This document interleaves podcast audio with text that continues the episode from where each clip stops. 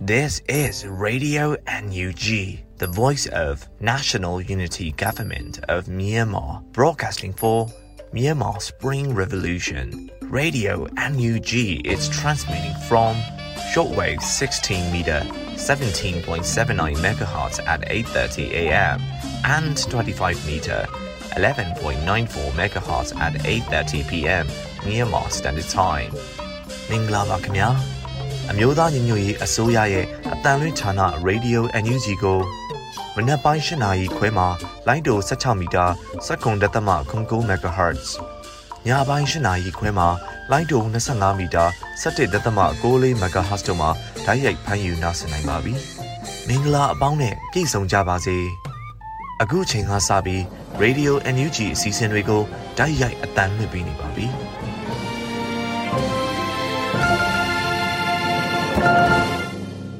မြန်မာနိုင်ငံသူနိုင်ငံသားအပေါင်းတဘာဝပြီးဆရာနာရှင်မေးတို့ကနေကင်ဝေးပြီးကိုစိတ်နှပါကျမ်းမာလုံးခြုံပေးကင်းကြပါစေလို့ရေဒီယို UNG အဖွဲ့သားများကဆုတောင်းမေတ္တာပို့သလိုက်ရပါတယ်ရှင်။အခုချိန်ကစပြီးကာကွယ်ရေးဝန်ကြီးဌာန၏စစ်ရေးတရင်အကျဉ်းချုပ်ကိုຫນွေဦးမောင်ကဖတ်ကြားတင်ဆက်ပေးပါမယ်ရှင်။စစ်ကောင်စီနဲ့တိုက်ပွဲဖြစ်ပွားမှုသတင်းများကိုတင်ဆက်ပေးပါမယ်။ KR ပြည်နယ်တွင် ဇန်နဝါရီ9ရက်နေ့ကဓမော့ဆုံမြို့နယ်ဒေါဆိုရှိကျေးရွာအနီးသို့စစ်ကြောင်းထိုးလာသောစစ်ကောင်စီတပ်နှင့်ကရင်နီတပ်မတော် KA KNDF တို့တိုက်ပွဲပြင်းထန်ပြီးစစ်ကောင်စီတပ်သား၈ဦးသေဆုံးကအများအပြားဒဏ်ရာရရှိခဲ့သည်စစ်ကောင်စီများကလေကြောင်းပစ်ကူ၃ကြိမ်အုံပြုခဲ့သည်တိုက်ပွဲအတွင်း KNDF ရဲဘော်တအူကြဆုံးခဲ့ကစစ်ကောင်စီတပ်သားများထံမှလက်နက်ခဲယမ်းများတင်စီရမိကြောင်းသိရသည်ဇန်နဝါရီ9ရက်နေ့က လွိုက်ကော်မြို့ပန်ကန်းနယ်မိုင်းလုံးရက်ကွက်တွင် KNDF နဲ့ PDF ပူးပေါင်းမဟာမိတ်အဖွဲ့များနယ်မြေရှင်းလင်းနေစဉ်စစ်ကောင်စီတပ်နဲ့ထိတွေ့တိုက်ပွဲဖြစ်ပွားခဲ့ပြီးစစ်ကောင်စီများထံမှလက်နက်ငယ်တစ်လက်နဲ့လက်နက်ကြီးငယ်ကြီးတချို့သိမ်းဆည်းရမိကြောင်းသိရသည်။ကရင်ပြည်နယ်တွင်ဇန်နဝါရီ10ရက်နေ့မနက်10:00နာရီခန့်ကကော့ကရိတ်မြို့နယ်မြို့ဟောင်းအနီးအာရှလမ်းမဘေးတွင် စစ်ကောင်စီတပ်နဲ့ကြားတက်ခွဲတစ်ပြည်သူ့ကာကွယ်ရေးတပ်ဖွဲ့များအကြားတိုက်ပွဲဖြစ်ပွားခဲ့ပြီးစစ်ကောင်စီတပ်သား30ဦးခန့်သေဆုံးခဲ့သည်တိုက်ပွဲအတွင်းကြားတက်ခွဲတစ်ကပြစ်ခတ်မှုကြောင့်စစ်ကောင်စီရဟရင်တစည်းထိခိုက်ပျက်စီးခဲ့ကြောင်းသိရသည်ချင်းပြည်နယ်တွင်ဇန်နဝါရီ9ရက်နေ့ကမတူပီမြို့နယ်ကီးလုံရွာအနီးခွာငန်းချောင်းနာတွင်စစ်ကောင်စီတပ်နှင့် CDF ဇိုတောင်းတို့ထိတွေ့တိုက်ပွဲဖြစ်ပွားခဲ့သည်။ စကိုင်းတိုင်းတွင်ဇန်နဝါရီ10ရက်နေ့မနက်9:45မိနစ်ခန့်ကရေဦးမြို့နယ်မန်ကြီးနီရွာမှဝမ်းပြေရွာသို့လမ်းကူသောစစ်ကောင်စီတပ်များကိုပြည်သူ့ကာကွယ်ရေးအဖွဲ့တပဲရင်းနှင့်ရေဦးမြို့နယ်ပတိုင်းညီနောင်ပူးပေါင်းတပ်ဖွဲ့ကမိုင်းဆွဲတိုက်ခိုက်ခဲ့သည်ဇန်နဝါရီ10ရက်နေ့နေ့လယ်12နာရီခန့်က ကဏီမြို့နယ်အလဲကျွန်းရွာတွင်တပ်ဆွဲထားသောစစ်ကောင်စီတပ်များရွာအပြင်ထွက်ချိန်တွင်ကဏီ People Defense Force KLG ကမိုင်းဆွဲတိုက်ခိုက်ခဲ့ရာစစ်ကောင်စီတပ်သား3ဦးထိခိုက်ဒဏ်ရာရရှိခဲ့သည်အဆိုပါစစ်ကောင်စီတပ်များကငဖြတ်တော်တိုက်ရှိပြည်သူတအုပ်ပိုင်နေအိမ်မိဖို့ကြောင့်နဲ့နွားတဲကိုမိရှို့ဖျက်ဆီးသွားခဲ့သည်ဇန်နဝါရီ9ရက်နေ့ညနေ6နာရီခန့်က မြောင်မြို့နယ်နဘတ်ကျေးရွာနဲ့ပေါတောနာကျေးရွာအကြားငပြောတော်အနီးတွင်ကင်းပုံချနေသောစစ်ကောင်စီတပ်သားများကို MRA အဖွဲ့ကမိုင်းဆွဲတိုက်ခိုက်ခဲ့ရာစစ်ကောင်စီတပ်သား2ဦးထိခိုက်ကြဆုံးခဲ့သည်ဆက်လက်ပြီးစစ်ကောင်စီကျူးလွန်သောရာဇဝတ်မှုများကို တင်ဆက်ပေးပါမယ်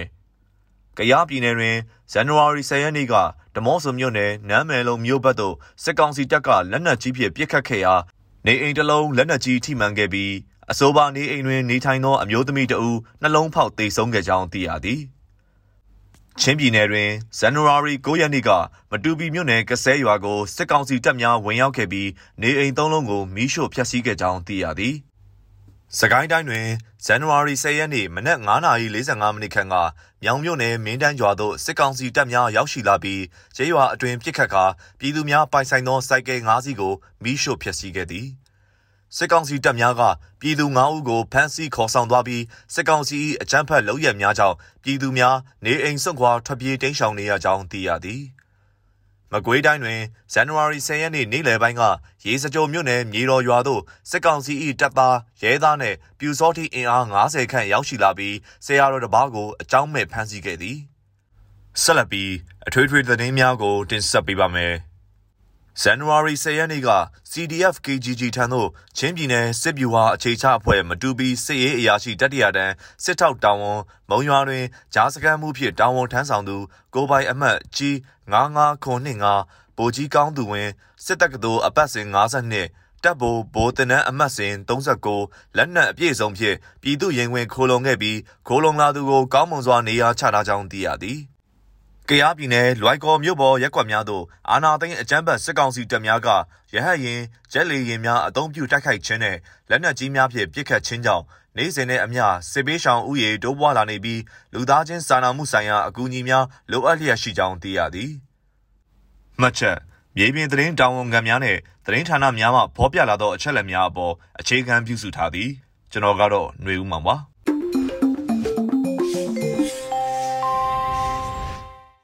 ရေဒီယို UNG မှဆက်လက်တန်လွှင့်နေပါတယ်။ဆက်လက်ပြီးနောက်ဆုံးရပြည်တွင်းသတင်းများကိုရန်နိုင်ကတင်ဆက်ပေးမှာဖြစ်ပါတယ်ရှင်။မင်္ဂလာပါခင်ဗျာ။ခုချိန်အစပြီး Radio NUG မနက်ခင်းသတင်းတွေကိုဖတ်ကြားတင်ပြပေးပါတော့မယ်ခင်ဗျာ။အခုတင်ပြပေးမယ့်သတင်းတွေကတော့ Radio NUG သတင်းတာဝန်ခံတွေနဲ့ခိုင်လုံတဲ့မိဘသတင်းရင်းမြစ်တွေကအခြေခံထားတာဖြစ်ပါတယ်။ကျွန်တော်ကတော့ရန်နိုင်ပါ။ အမျိုးသားညီညွတ်ရေးအစိုးရ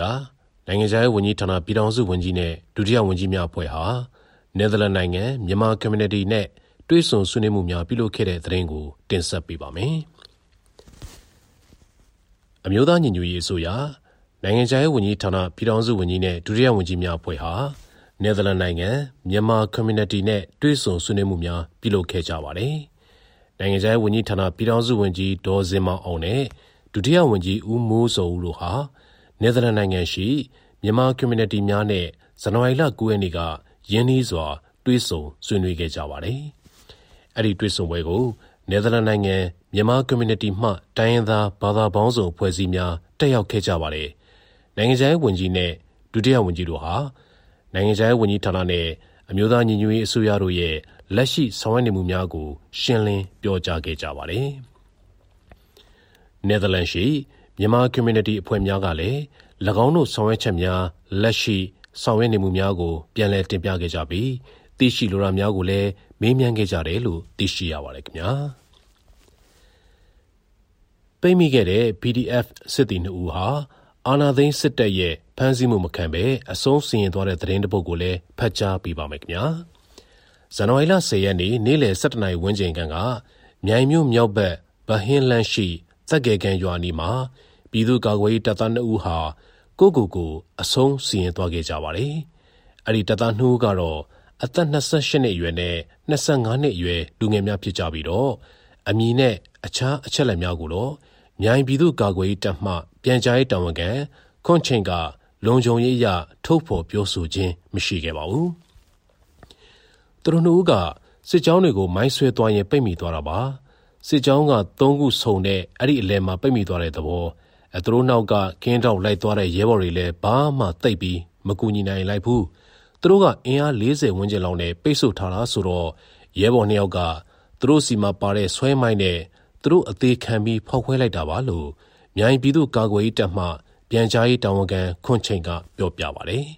။မြိုင်မြို့နယ်ကိုထိုးစစ်ဆင်လာတဲ့စစ်ကောင်စီစစ်ကြောင်း၃ကြောင်းဟာ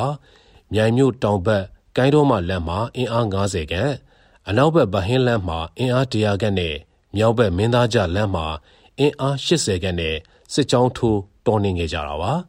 မိမိတို့ရဲဘော်နှစ်ဦးအဆုံးစီရင်သွားတာကိုသိရပေမဲ့လည်းစစ်ကောင်စီတပ်အင်အားများလွန်းတာမို့ကြာဆုံးရဲဘော်နှစ်ဦးရဲ့ခန္ဓာကိုယ်အစိပ်ပိုင်းများကိုကောက်ယူနိုင်ခြင်းမရှိသေးဘူးလို့ကွန်ချိန်ကပြောပါတယ်အဲ့ဒီကြာဆုံးရဲဘော်နှစ်ဦးအားသူရဲကောင်းများအဖြစ်မှတ်တမ်းတင်ရှိတယ်လို့မြိုင် PDF မှ သတင်းထုတ်ပြန်ခဲ့ကြပါတယ်။ကျွန်တော်တို့ရဲ့ရဲဘော်နှစ်ဦးရဲ့ရဲရဲမှုနဲ့စွန့်လွတ်အနစ်နာခံမှုအတွက်ကျွန်တော်တို့ကအမြဲအလေးပြုအောက်မေ့နေမှာပါ။သူတို့ဟာသူရဲကောင်းတွေပါလို့ခွန်ချင်းကကြာဆုံးရဲဘော်နှစ်ဦးအတွက်ဂုံပြူစကားပြောကြားခဲ့ပါတယ်။လူဦးရေ2,500ကျော်နေထိုင်တဲ့မြိုင်မြို့နယ်ဟာမြောက်ဘက်မှာပလဲမြို့နယ်ဆလင်းကြီးမြို့နယ်အနောက်ဘက်မှာ ပေါက်မြို့နယ်အရှေ့ဘက်မှာရေစကြိုမြို့နယ်များနဲ့နယ်နိမိတ်ထိစပ်နေပြီးအဲ့ဒီမြို့နယ်များဟာစစ်ကောင်စီတပ်အားရရလက်နက်ဖြင့်တိုက်ထုတ်နေတဲ့တော်လှန်ရေးအင်အားကောင်းတဲ့မြေပြန့်ဒေသမြို့နယ်များဖြစ်ပါတယ်ဇန်နဝါရီလ9ရက်နေ့မှာဒေသခံ PDF များလက်ချက်နဲ့စစ်ကောင်စီတပ်နှစ်ကြိမ်မိုင်းဆွဲခံရမှုမှာစစ်ကောင်စီတပ်သား18ဦးခန့်တေဆုံးခဲ့တယ်လို့မြိုင် PDF ကထုတ်ပြန်ထားပါတယ်။ဒါပြင်မြိုင်ပခုတ်ကူလန်းကိုင်းခွေနာမှာ ကားရက်ခါမိုင်းရှာနေတဲ့စစ်ကောင်စီတပ်ဖွဲ့များအားမိုင်း16လုံးဖြင့်တိုက်ခိုက်ခဲ့ရမှာ10ဦးခန့်တေဆုံးသွားပြီးညနေ9:30မိနစ်20ခန့်မှာတန်ငယ်တော်အရှိဘက်ချောင်းကွာလမ်းခွဲမှာထပ်မံမိုင်းဆွဲတိုက်ခိုက်ခဲ့ရမှာကားမှောက်သွားပြီးတော့စစ်ကောင်စီတပ်သား9ဦးခန့်သေဆုံးပြီးအများပြားဒဏ်ရာရရှိခဲ့တယ်လို့သိရှိရပါတယ်ခင်ဗျာ ရမပင်ခရိုင်ပလဲမြို့နယ်မှာစစ်အာဏာရှင်ဆန့်ကျင်ရေးနိုင်ငံရေးတရားဟောပြောပွဲများထပ်မံကျင်းပခဲ့ကြတဲ့တဲ့တင်ကိုလည်းတင်ဆက်ပေးပါမယ်။စကိုင်းတိုင်းရမပင်ခရိုင်ပလဲမြို့နယ်အတွင်းရှိကျေးရွာတွေမှာမုံရွာလူလူသပိတ်တိုက်ပွဲဥဆောင်ကော်မတီအဖွဲ့ဝင်များတွားရောက်ပူးပေါင်းပြီးတက်ရောက်ကြတဲ့ဒေသခံပြည်သူလူထုများအတွက်နိုင်ငံရေးတရားများသပိတ်တရားဟောပြောပွဲများကိုဒုတိယအကြိမ်အဖြစ်ထပ်မံကျင်းပခဲ့ကြပါတယ်။ နိုင်ငံဝါမှာစစ်အာဏာရှင်တော်လှန်ရေးသပိတ်တိုက်ပွဲများအနေအအနှံ့ဖြစ်ပေါ်ခဲ့ပြီးပလဲမြို့နယ်ဟာအင်အားစုဖွဲ့မှုညီညွတ်မှုကောင်းကောင်းနဲ့အရှိန်ဟုန်မြင့်တဲ့တော်လှန်ရေးနယ်မြေတစ်ခုဖြစ်ခဲ့ပါတယ်။တပိတ်တိုက်ပွဲနဲ့အတူလက်နက်ကိုင်ပျောက်ကြားခုခံစနစ်ကိုလည်းဟန်ချက်ညီစွာဖော်ဆောင်နေတဲ့ဒေသတစ်ခုဖြစ်ပါတယ်။အဲဒီလိုပတ်ပေါင်းစုံကနေပြီးအာနာသိန်းစစ်ကောင်စီကိုတော်လှန်တိုက်ခိုက်နေကြတဲ့ဒေသခံတွေဟာဇန်နဝါရီလ၈ရက်ညပိုင်းကစလို့စစ်အာဏာရှင်စန့်ကျင်ရေး တပိတ်တရားဟောပြောပွဲများကျင်းပခဲ့ပြီးပြည်သူ့ကာကွယ်ရေးတပ်ဖွဲ့ PDF များကလုံခြုံရေးစောင့်ရှောက်ရယူပေးခဲ့ကြပါတယ်။ဇန်နဝါရီလ10ရက်နေ့မှာလည်းတမန်ပြီးဒေသခံလူလူများစုဝေးမှုနဲ့အတူတက်ကြွလှုပ်ရှားသူခေါင်းဆောင်များကနိုင်ငံရေးသပိတ်တရားပွဲကိုဒုတိယအကြိမ်ဖြစ်ကျင်းပနိုင်ခဲ့ကြတာပါ။ပလဲမြို့နယ်ရှိလူထုညီညွတ်မှုကြောင့်အခုလိုစစ်ကောင်စီကအုပ်ချုပ်ခွင့်မရသေးခြင်းဖြစ်ကြောင်းအဲဒီလိုအုပ်ချုပ်ခွင့်မရတဲ့အတွက် စစ်ကောင်စီကလူထုကိုကြောက်စိတ်ဝင်စေရန်ရရဆက်ဆက်တပ်ဖြတ်ဖိနှိပ်ပြနေခြင်းဖြစ်ကြောင်းဟောပြောခဲ့ကြပါတယ်။စစ်ကောင်စီရဲ့လူမဆန်တဲ့ဖိနှိပ်မှုတံတွေကိုပြည်သူလူထုဟာရင်ဆိုင်ခါးစည်းခံပြီးဒီကနေ့အထိအစွမ်းကုန်ဗတ်ပေါင်းစုံကနေစစ်ကောင်စီကိုတော်လှန်တိုက်ခိုက်နေစေဖြစ်ပါတယ်။ဒီကနေ့လိုမျိုးသပိတ်စစ်ကြောင်းတွေလူထုသပိတ်တွေရှိလာခြင်းဟာလူထုအနေနဲ့နိုင်ငံရေးကိုရောလက်နက်ကင်လမ်းစဉ်ကိုပါဟန်ချက်ညီညီ လာရောက်ချိတ်ဆက်ပြီးအားကောင်းကောင်းနဲ့ပုံဖော်လာနေပါတယ်။ပုံညီညွတ်လာတယ်ဆိုတာကို ပြသနေပါတယ်။ဒါဟာအမတန်အားရဝမ်းသာစရာကောင်းပါတယ်လို့တပိတ်ကောင်းဆောင်ကိုတန်းကျော်ဦးရဲ့ဟောပြောချက်မှာထည့်သွင်းပြောကြားသွားပါတယ်။ပလဲနဲ့ရင်းမပင်မြို့နယ်တွေဟာအာနာသိန်းအုပ်စုကအပြည့်အဝအုပ်ချုပ်ခွင့်ရတဲ့နေရာမဟုတ်ကြောင်းလက်ရှိအထိပြည်သူလူထုကနယ်မြေစိုးမိုးမှုသိမ့်ပိုက်ထားဆဲဖြစ်ကြောင်းပြည်သူလူထုအနေနဲ့ ဆက်လက်ပြီးညီညီညွတ်ညွတ်စစ်ကောင်စီရဲ့ဖိနှိပ်မှုများကြားကတမဏိစိတ်သက်ဖြင့်အဆုံးထိတိုက်ပွဲဝင်ကြရန်တပိတ်ဥဆောင်သူကတိုက်တွန်းပါတယ်။အရေးတော်ပုံအောင်ခြင်းမအောင်ခြင်းဆိုတာကပြည်သူလူထုအနေနဲ့တော်လှန်ရေးမှာဘလောက်အထိပူးပေါင်းပါဝင်နိုင်မှုရှိမလဲဆိုတဲ့အပေါ်မှာမူတည်နေတာမို့ဒီထက်ပိုပြီးပူးပေါင်းပါဝင်ပေးကြပါလက်နက်ကင်တော်လှန်ရေးနီလန်းကိုလူထုလှုပ်ရှားမှုတွေနဲ့ပေါင်းဆက်ပြီးစစ်ကောင်စီပြုတ်ကြရေးကိုနီလန်းမျိုးစုံသုံးပြီးဆောင်ရွက်ကြဖို့ ပြည်သူလူထုတရက်လုံးကို လေးလေးနက်နက် တိုက်တွန်းလိုက်ရပါတယ်လို့တပိတ်ဥဆောင်သူက ဆိုပါတယ်။ဒါပြင် စစ်အာဏာရှင်ကြာဆုံးရေးအတွက် လက်နက်ကင်ပုံကန့်မှုနဲ့တူ လူထုလှုပ်ရှားမှုများ ပေါင်းစပ်နိုင်ဖို့ အရေးကြီးပါတယ်။ကျေးလက်ဒေသတွေသာမက မြို့ပြတွေပါ ထကြွသိမ့်ချိန်ရောက်ရင် တပြိုင်နက်တည်း ထကြွသိမ့်ပိုက်နိုင်ကြဖို့ လိုပါတယ်။အခုကလေးက စိတ်ရောလူပါ ပြင်ဆင်ထားကြပါစို့လို့ နိုင်ငံရေးတရားများ ဟောပြောကညီညွတ်ခဲ့ကြပါတယ်။ အာနာသိန်းကျမ်းဘတ်စေအုပ်စုဟာနီးပေါင်းစုံနဲ့တော်လိုင်းအားကောင်းနေတဲ့ဒေသများကိုတိုက်လျင်စစ်ရဟန်းရင်အစရှိတဲ့တာလွန်အင်အားဖြင့်ဖိနှိပ်ဖို့ကြိုးစားနေပြီးဇန်နဝါရီလ10ရက်နေ့မှာလည်းပလဲမြို့နယ်တွင်းကခြေရွာတချို့ကိုစစ်ရဟန်းရင်၄စီးသုံးကပြစ်ခတ်ဖျက်ဆီးမှုတွေပြုလုပ်ခဲ့ကြတယ်လို့သိရှိရပါတယ်ခင်ဗျာ။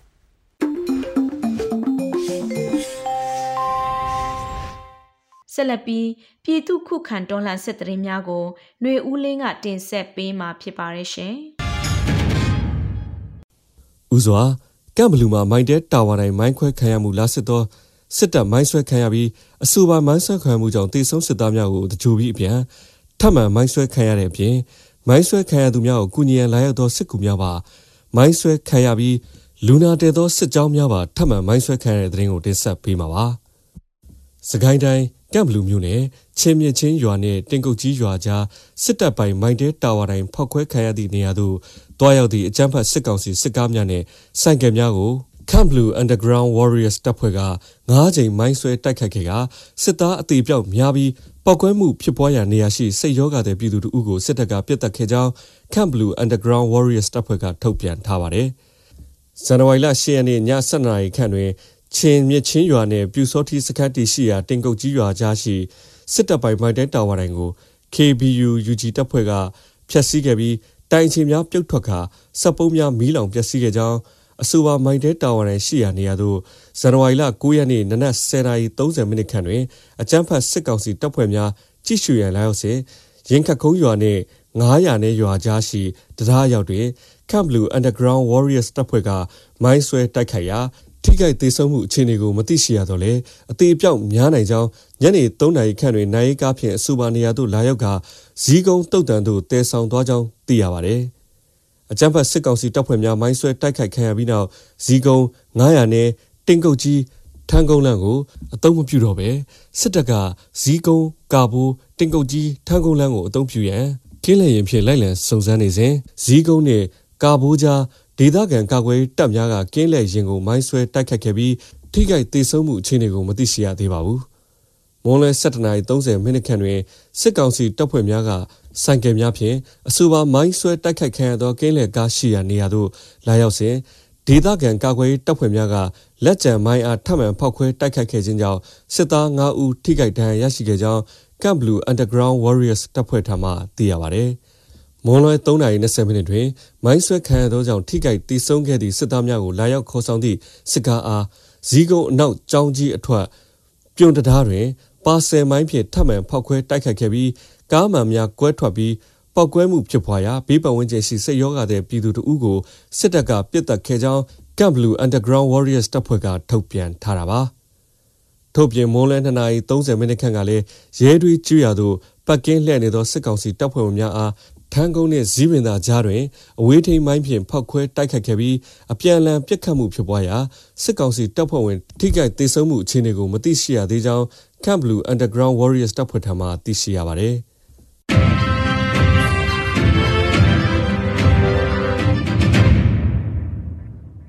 ဆလဘီကော့ဂရိတ်တွင်ရဟယင်နစီဖြင့်ပြစ်ခတ်ပြီးထီးမဲ့ဝါခီနဲ့ဖလူးလေးတွင်တိုက်ပွဲဖြစ်ပွားတဲ့တဲ့ရင်ကိုတင်ဆက်မှာပါ။ကရင်ပြည်နယ် ကော့ကရိတ်မြို့နယ်တွင်စစ်ကောင်စီတပ်ကစစ်ရဟန်းရဲ့နစီဖြင့်ပြစ်ခတ်လျက်ရှိကြောင်းဒေသသတင်းရင်းမြစ်ဒေသခံများထံမှသိရှိရပါသည်။ဇန်နဝါရီလ10ရက်နေ့မိုးလွယ်2:15မိနစ်ဝန်းကျင်တွင်ရဟန်းရဲ့နစီဖြင့်ကော့နွဲကြီးရွာရွာသွရွာတို့ကိုပြစ်ခတ်ခြင်းဖြစ်ကြောင်းဒေသခံတို့ကပြောပါတယ်။အလားတူကရင်ပြည်နယ်မြဝတီမြို့နယ်လေးကီကိုဒေသထီးမဲ့ဝါခီနဲ့ဖလူးလေးတို့တွင်ယနေ့နနက်7:00နာရီဝန်းကျင်တွင်စစ်ကောင်စီတပ်များနဲ့ PDF တပ်များကြားတိုက်ပွဲများဖြစ်ပွားကြောင်းသိရှိရတာပါ။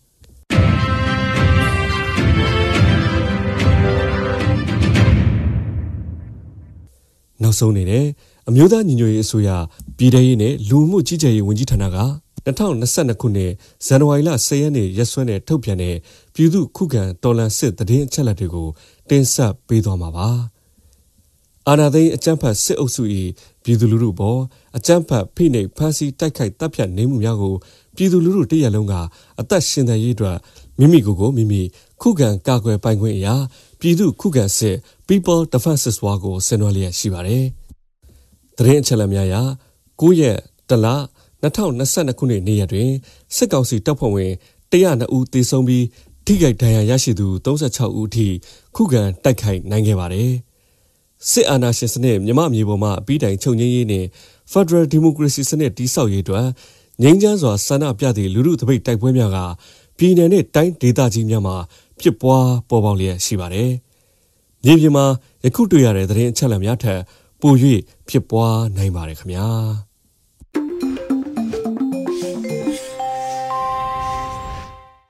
Radio UNG မှဆက်လက်တန်လွှင့်ပေးနေပါတယ်။ယခုဆက်လက်ပြီးနေ့စဉ်သတင်းများကိုထက်ထက်အိန္ဒြာအောင်ကတင်ဆက်ပေးမှာဖြစ်ပါတယ်။ အခုပထမဆုံးတင်ဆက်ပေးမှာကတော့အမျိုးသားညီညွတ်ရေးအစိုးရနိုင်ငံတော်အတိုင်ပင်ခံပုဂ္ဂိုလ်ဒေါအောင်ဆန်းစုကြည်ကိုအချမ်းဘတ်စေအုပ်စုကထောင်ဒဏ်၄နှစ်ထပ်မံချမှတ်လိုက်တဲ့ဆိုတဲ့သတင်းမှာအမျိုးသားညီညွတ်ရေးအစိုးရနိုင်ငံတော်အတိုင်ပင်ခံပုဂ္ဂိုလ်ဒေါအောင်ဆန်းစုကြည်ကိုအကြမ်းဖက်စေအုပ်စုကမတရားဖမ်းဆီးထားပြီးဒီကနေ့ဇန်နဝါရီလ10ရက်နေ့မှာတော့ဆွဆွဲခံထားရတဲ့အမှုသုံးမှုအတွက်ထောင်ဒဏ်၄နှစ်ကိုအကြမ်းဖက်စေအုပ်စုရဲ့တရားရုံးအမိခံရုံးကထပ်မံချမှတ်လိုက်တယ်လို့သတင်းရရှိပါရယ် အကြမ်းဖက်စစ်ကောင်စီကမတရားအာဏာလုထားပြီးအမှုစဉ်တရားစွဲဆိုထားတဲ့ပို့ကုန်သွင်းကုန်အမှုအတွက်နှစ်နှစ်ဆက်သွယ်ရေးအမှုအတွက်တစ်နှစ်ချမှတ်ခဲ့တာပါအဲ့ဒီအမှုနှစ်မှုအတွက်တပေါင်းနဲ့ကြခံစေရမယ်လို့အမိန့်ချမှတ်လိုက်တာကြောင့်စုစုပေါင်းထောင်ဒဏ်နှစ်နှစ်ချမှတ်ခံလိုက်ရတယ်လို့ဆိုပါတယ်။ဒါအပြင်ကိုဗစ်ဥပဒေချိုးဖောက်တယ်လို့မတရားဆွဆွဲထားတဲ့တဘောဘေးရန်ရဲ့စီမံခန့်ခွဲရေးဥပဒေအမှုကိုနှစ်နှစ်ချမှတ်လိုက်တာဖြစ်ပါတယ်။ ဒါကြောင့်ဒီနေ့အမှုစုစုပေါင်း၃မှုအတွက်ထောင်ဒဏ်၄နှစ်ချမှတ်ခံရပြီးအရင်က2မှုအတွက်ထောင်ဒဏ်၄နှစ်ချမှတ်ခဲ့တာကိုနှစ်နှစ်လျှော့ပေါ်တယ်လို့အကြမ်းဖက်စစ်ကောင်စီကကြေညာခဲ့တာကြောင့်အကြမ်းဖက်စစ်အုပ်စုကအမျိုးသားညီညွတ်ရေးအစိုးရနိုင်ငံတော်အတိုင်ပင်ခံပုဂ္ဂိုလ်ဒေါအောင်ဆန်းစုကြည်ကိုစုစုပေါင်းထောင်ဒဏ်6နှစ်မတရားအမိန့်ချမှတ်လိုက်တာဖြစ်ပါတယ်။ အခုဆက်လက်ပြီးတော့အမျိုးသားညီညွတ်ရေးအစိုးရအနေနဲ့အရေးပေါ်လိုအပ်ချက်ရှိနေတဲ့ဒေသတွေကိုမျက်ခြေမပြတ်စောင့်ကြည့်ပြီးကုညီဆောင်ရွက်ပေးနေတယ်လို့ပြည်ထောင်စုဝန်ကြီးဒေါက်တာဝင်းမြတ်အေးပြောကြားဆိုတဲ့သတင်းကိုတင်ဆက်ပေးပါမယ်။အမျိုးသားညီညွတ်ရေးအစိုးရအနေနဲ့အရေးပေါ်လိုအပ်ချက်ရှိနေတဲ့ဒေသတွေနဲ့စစ်ဘေးရှောင်တွေအတွက်လိုအပ်ချက်တွေကိုမျက်ခြေမပြတ်စောင့်ကြည့်ပြီးကုညီဆောင်ရွက်ပေးနေတယ်လို့လူသားချင်းစာနာထောက်ထားရေးနဲ့ပြည်ရင်းရဲ့ဆိုင်ရာစီမံခန့်ခွဲရေးဝန်ကြီးဌာနပြည်ထောင်စုဝန်ကြီးဒေါက်တာဝင်းမြတ်အေးက PPTV ကိုပြောပါရယ်။ ၄ကီကောဒေသသာမကပဲမြန်မာနိုင်ငံထဲမှာသခိုင်း၊ကယား၊ကရင်ပြည်နယ်တို့မကွေးတိုင်းစတဲ့တခြားပြည်နယ်တွေတဲ့တိုင်းတွေမှာအရေးပေါ်လိုအပ်ချက်တွေကိုလည်းကျွန်တော်တို့ထောက်ပံ့ကူညီမှုတွေဝန်ဆောင်မှုတွေကိုတနည်းမပြတ်မျက်ခြေမပြတ်နေ့စဉ်ဆောင်ရွက်ပေးလျက်ရှိတယ်လို့လည်းကျွန်တော်တို့အနေနဲ့အလေးသင့်တယ်လို့ဒါကိုရှင်းလင်းပြောလိုပါတယ်လို့ပြည်ထောင်စုဝန်ကြီးဒေါက်တာဝင်းမြတ်အေးက PPTV ကိုပြောပါတယ်။ အမျိုးသားညီညွတ်ရေးအစိုးရအနေနဲ့ကုညီထောက်ပံ့မှုတွေလုပ်တဲ့အခါသက်ဆိုင်ရာဒေသကအဖွဲ့အစည်းတွေနဲ့ချိတ်ဆက်ပြီးဆောင်ရွက်မှုတွေလုပ်တယ်လို့လည်းဆိုထားပါတယ်။အန်ယူဂျီအနေနဲ့၄ကီကောဒေတာမှာဖြစ်ပွားတဲ့အချိန်ကစပြီးတော့ပြည်သူတွေကိုကုညီထောက်ပံ့မှုတွေအလင်းအမြန်ရအောင်တုံ့ပြန်ခဲ့တယ်။ KNU ဒေတာမှာဖြစ်တဲ့အတွက်ကြောင့် KNU ဦးဆောင်မှုနဲ့လက်တွဲပူးပေါင်းဆောင်ရွက်ဖို့ကြိုးစားခဲ့တာဖြစ်တဲ့ မြေပြင်မှာလက်တွေ့အကောင့်ထဲဖော်တဲ့နေရာမှာတော့ NUG ရဲ့လူသားချင်းစာနာကူညီရေးနဲ့ဘေးရန်တွေရဲ့တုံ့ပြန်ရေးဆိုင်ရာပူးပေါင်းညှိနှိုင်းကော်မတီရှိပါတယ်။အဲဒီကော်မတီဝင်ပြည်내ဆိုင်ရာအဖွဲ့အစည်းနဲ့ဆက်ဆက်အဖွဲ့အစည်းတွေလေးကကောအရေးနဲ့ပတ်သက်ပြီးတော့အတူပူးပေါင်းဆောင်ရွက်လာကြတဲ့လူမှုအဖွဲ့အစည်းတွေပါဝင်တဲ့လုပ်ငန်းအကောင့်ထဲဖော်ရေးပူးပေါင်းညှိနှိုင်းအဖွဲ့ဆိုတာရှိတယ်။အဲ့ဒါကိုကျွန်တော်တို့ဖွဲ့တယ်။အချင်းချင်းသတင်းအချက်လက်တွေဖလှယ်တယ်။လက်တွေ့ကြတဲ့ထောက်ပံ့ကူညီမှုတွေကိုယာယီခိုလုံရစခန်းမှာရှိတဲ့စစ်ဘေးရှောင်နေတာမကပဲ ပြန့်ကျဲနေတဲ့စစ်ဘေးရှောင်တွေထိရအောင်ထောက်ပံ့ကူညီမှုတွေကိုကျွန်တော်တို့ဆောင်ရွက်နေတယ်လို့ဒေါက်တာဝင်းမြတ်အေးကပြောပါရယ်ဒီဇင်ဘာ15ရက်နေ့ကစတင်ဖြစ်ပွားခဲ့တဲ့၄ဂီကောဒေတာအပေါ်မှာတော့ထောက်ပံ့မှုတွေကအားလုံးလွှမ်းခြုံထားနိုင်တဲ့အနေအထားတစ်ခုကိုရောက်နေပြီဖြစ်တယ်လို့လည်းမှတ်ချက်ပေးထားပါတယ်။လေးကကောဒေတာကိုကုညီထောက်ပံ့မှုတွေပေးထားရမှာကျပ်သိန်း2600ကျော်အထိကိုကုညီပေးထားနိုင်တယ်လို့သိရပါတယ်။ လက်ရှိတိုက်ပွဲပြင်းထန်နေတဲ့ KNY ပြည်နယ်အတွက်ကိုလည်း KNY ပြည်နယ်အတိုင်းအမြခံကောင်စီ KSCC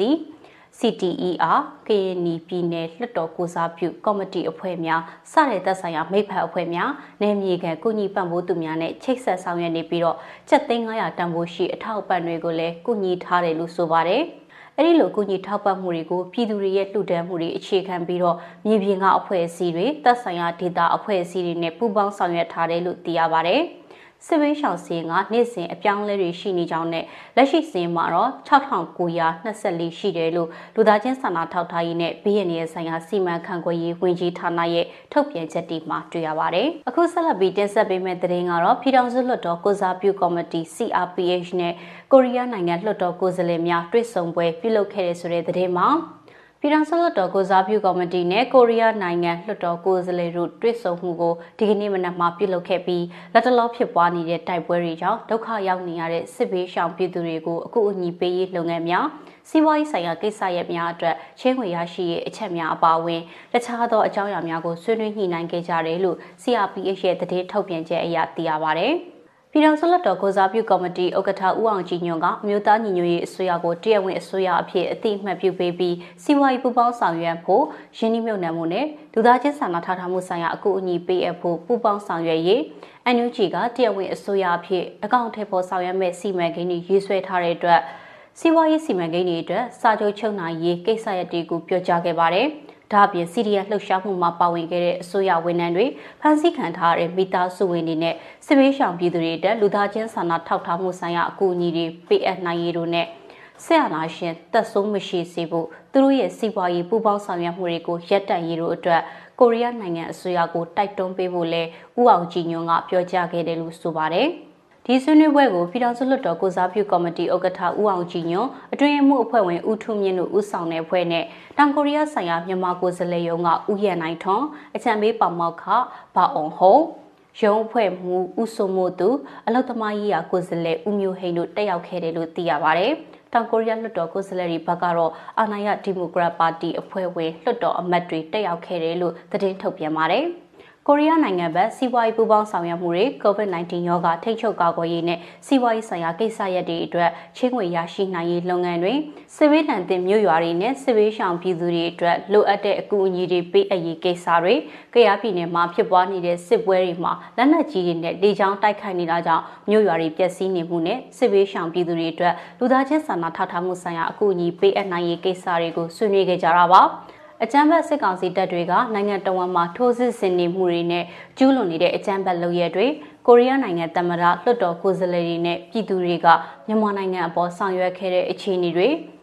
အကူအညီပေးအပ်မှုတွေနဲ့ရှေ့ဆက်လှုပ်ဆောင်ပေးမယ့်အခြေအနေတွေ မြန်မာနိုင်ငံမှာဒီမိုကရေစီပြန်လည်ရရှိရေးပူးပေါင်းဆောင်ရွက်နိုင်မယ့်အခြေအနေတွေကိုဆွေးနွေးခဲ့ကြတယ်လို့သိရပါဗျ။အခုတင်ဆက်ပေးမယ့်သတင်းကတော့မတူပီမြို့နယ်အတွင်းမှာအကြမ်းဖက်စစ်ကောင်စီကခီးသွွားပြည်သူစစ်တပ်ကိုလူသားတိုင်းဖြစ်အုံပြုပြီးနောက်ရရဆက်ဆက်တပ်ဖြတ်ခဲ့တဲ့ဆိုတဲ့သတင်းကိုတင်ဆက်ပေးပါမယ်။ ချင်းပြည်နယ်မတူပီမြို့နယ်မတူပီဟာခါလမ်းပေါ်မှာရှိတဲ့ကီလုံးနဲ့လုံလောကြီးရွာမှာပြီးခဲ့တဲ့ဇန်နဝါရီ6ရက်နဲ့9ရက်ကခီးသွွားပြည်သူစစ်တပ်ကိုအကြမ်းဖက်စစ်ကောင်စီကလူသားတိုင်းဖြစ်အုံပြုပြီးတဲ့နောက်ဇန်နဝါရီ10ရက်မှာဟေးရဆက်ဆက်တပ်ပစ်ခဲ့တယ်လို့သတင်းရင်းမြစ်တွေထံကသိရပါဗျ။ ခေါနတုံပေါင်းပြီးသတင်းဌာနကတော့အကြမ်းဖက်စစ်တပ်ရဲ့လူမဆန်စွာတပ်ဖြတ်ခဲ့တဲ့သူတွေစီရင်မှာခေါနတုံသတင်းဌာနရဲ့အယ်ဒီတာချုပ်ဖြစ်တဲ့ဦးတွင်တင်ပါဝင်ခဲ့ကြောင်းနဲ့များစွာတုံ့နှုတ်ချောက်ချပြီးအလွန်စိတ်မကောင်းဖြစ်ရကြောင်းသတင်းထုတ်ပြန်ထားပါတယ်။စစ်ကောင်စီတပ်ဖွဲ့ကဖမ်းဆီးခေါ်ဆောင်သွားတဲ့အရက်သားပြည်သူစစ်တပ်ဦးနဲ့ရုပ်အလောင်း၁၀လောင်းတွေ့ထားပြီးလို့ CDF မတူပြီးပြင်ကြားရေးတာဝန်ခံတပ်ဦးကပြောပါတယ်။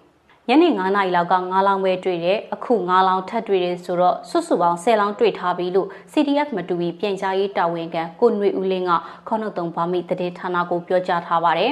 ဥသွင်တင်အပါအဝင်အပြစ်မဲ့အယက်သားပြည်သူတွေကိုဖမ်းဆီးပြီးတော့လူသားတိုင်းဖြစ်အုံပြုပြီးတပ်ဖြတ်ခဲ့တဲ့အကြမ်းဖက်စစ်ကောင်စီရဲ့လုပ်ရက်ကိုအပြင်းထန်ရှုံချကြောင်းနဲ့ နောက်နောက်မှအခုလိုအယက်သားပြည်သူတွေကိုဖမ်းဆီးပြီးလူမဆန်စွာတပ်ဖြတ်မှုတွေထပ်မံမကျူးလွန်ဖို့အတွက်လဲခေါနှုတ်တုံသတင်းဌာနကလေးအနက်တောင်းဆိုကြောင်းထုတ်ပြန်ချက်ထဲမှာဖော်ပြထားပါတယ်။ CDF မတူဘီရဲ့သတင်းထုတ်ပြန်ချက်မှာတော့ဇန်နဝါရီ6ရက်ကစတင်ပြီးမတူဘီဟာခါလမ်းမပေါ်ဖေဘက်လမ်းမရှိတဲ့ကီလုံးရွာနဲ့လုံလောက်ရကြားမှာအကြမ်းဖက်စစ်ကောင်စီတပ်တွေနဲ့မိမိတို့ CDF မတူဘီတပ်ဖွဲ့တွေကြောင့်တိုက်ပွဲတွေပြင်းထန်ခဲ့ပါတယ်။ တိုက်ပွဲပြင်းထန်တဲ့နေရာအနီးကကျေးရွာတွေကိုအကြမ်းဖက်စစ်တပ်ကအင်အားအလုံးအရင်းနဲ့ထိုးစစ်ဆင်ခဲ့ပြီးဇန်နဝါရီ6ရက်နေ့လယ်ပိုင်းမှာခီးသွွားနေတဲ့ပြည်သူ၈ဦးနေ့လယ်ပိုင်းမှာဓာတ်ဆီဝယ်ဖို့သွားတဲ့ပြည်သူ2ဦးခုနှစ်ရက်မှာဝေထီယာရွာကကစဲရွာကိုခီးသွွားနေတဲ့ပြည်သူ2ဦးကိုအကြမ်းဖက်စစ်တပ်ကဖမ်းဆီးသွားခဲ့တယ်လို့ဖော်ပြထားပါတယ်။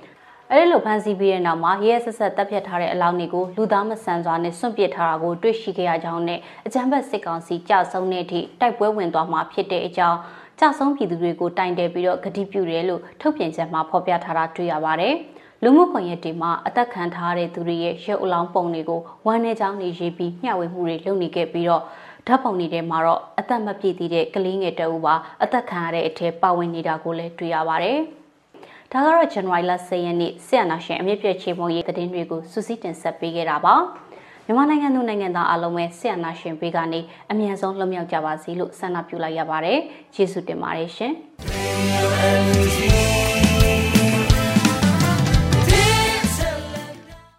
ဒီကနေ့ကတော့ဒီညနေပဲ Radio NUG ရဲ့အစည်းအဝေးတွေကိုခਿੱတရရနိုင်ပါမယ် မြန်မာစံတော်ချိန်မနက်၈နာရီခွဲနဲ့ည၈နာရီခွဲအချိန်တွေမှာပြန်လည်ဆုံးဖြတ်ကြပါစို့ Radio NUG ကိုမနက်ပိုင်း၈နာရီခွဲမှာလိုင်းဒို16မီတာစက္ကန့်တသမ9 MHz ညပိုင်း၈နာရီခွဲမှာလိုင်းဒို25မီတာ17တသမ6 MHz တို့မှာဓာတ်ရိုက်ဖမ်းယူနားဆင်နိုင်ပါပြီမြန်မာနိုင်ငံသူနိုင်ငံသားများကိုစိတ်နှပြကျမ်းမာချမ်းသာလို့ဘေးကင်းလုံခြုံကြပါစေလို့ Radio NUG အဖွဲ့သူအဖွဲ့သားများကဆုတောင်းလိုက်ရပါတယ်။အမျိုးသားညီညွတ်ရေးအစိုးရရဲ့စက်သွေးရေးသတင်းအချက်အလက်နဲ့ဤပညာဝန်ကြီးဌာနကထုတ်လွှင့်နေတဲ့ Radio NUG ဖြစ်ပါတယ်။ San Francisco Bay Area အခြေစိုက်မြန်မာမိသားစုများနဲ့နိုင်ငံတကာကစေတနာရှင်များလှုပ်အားပေးများရဲ့ Radio NUG ဖြစ်ပါတယ်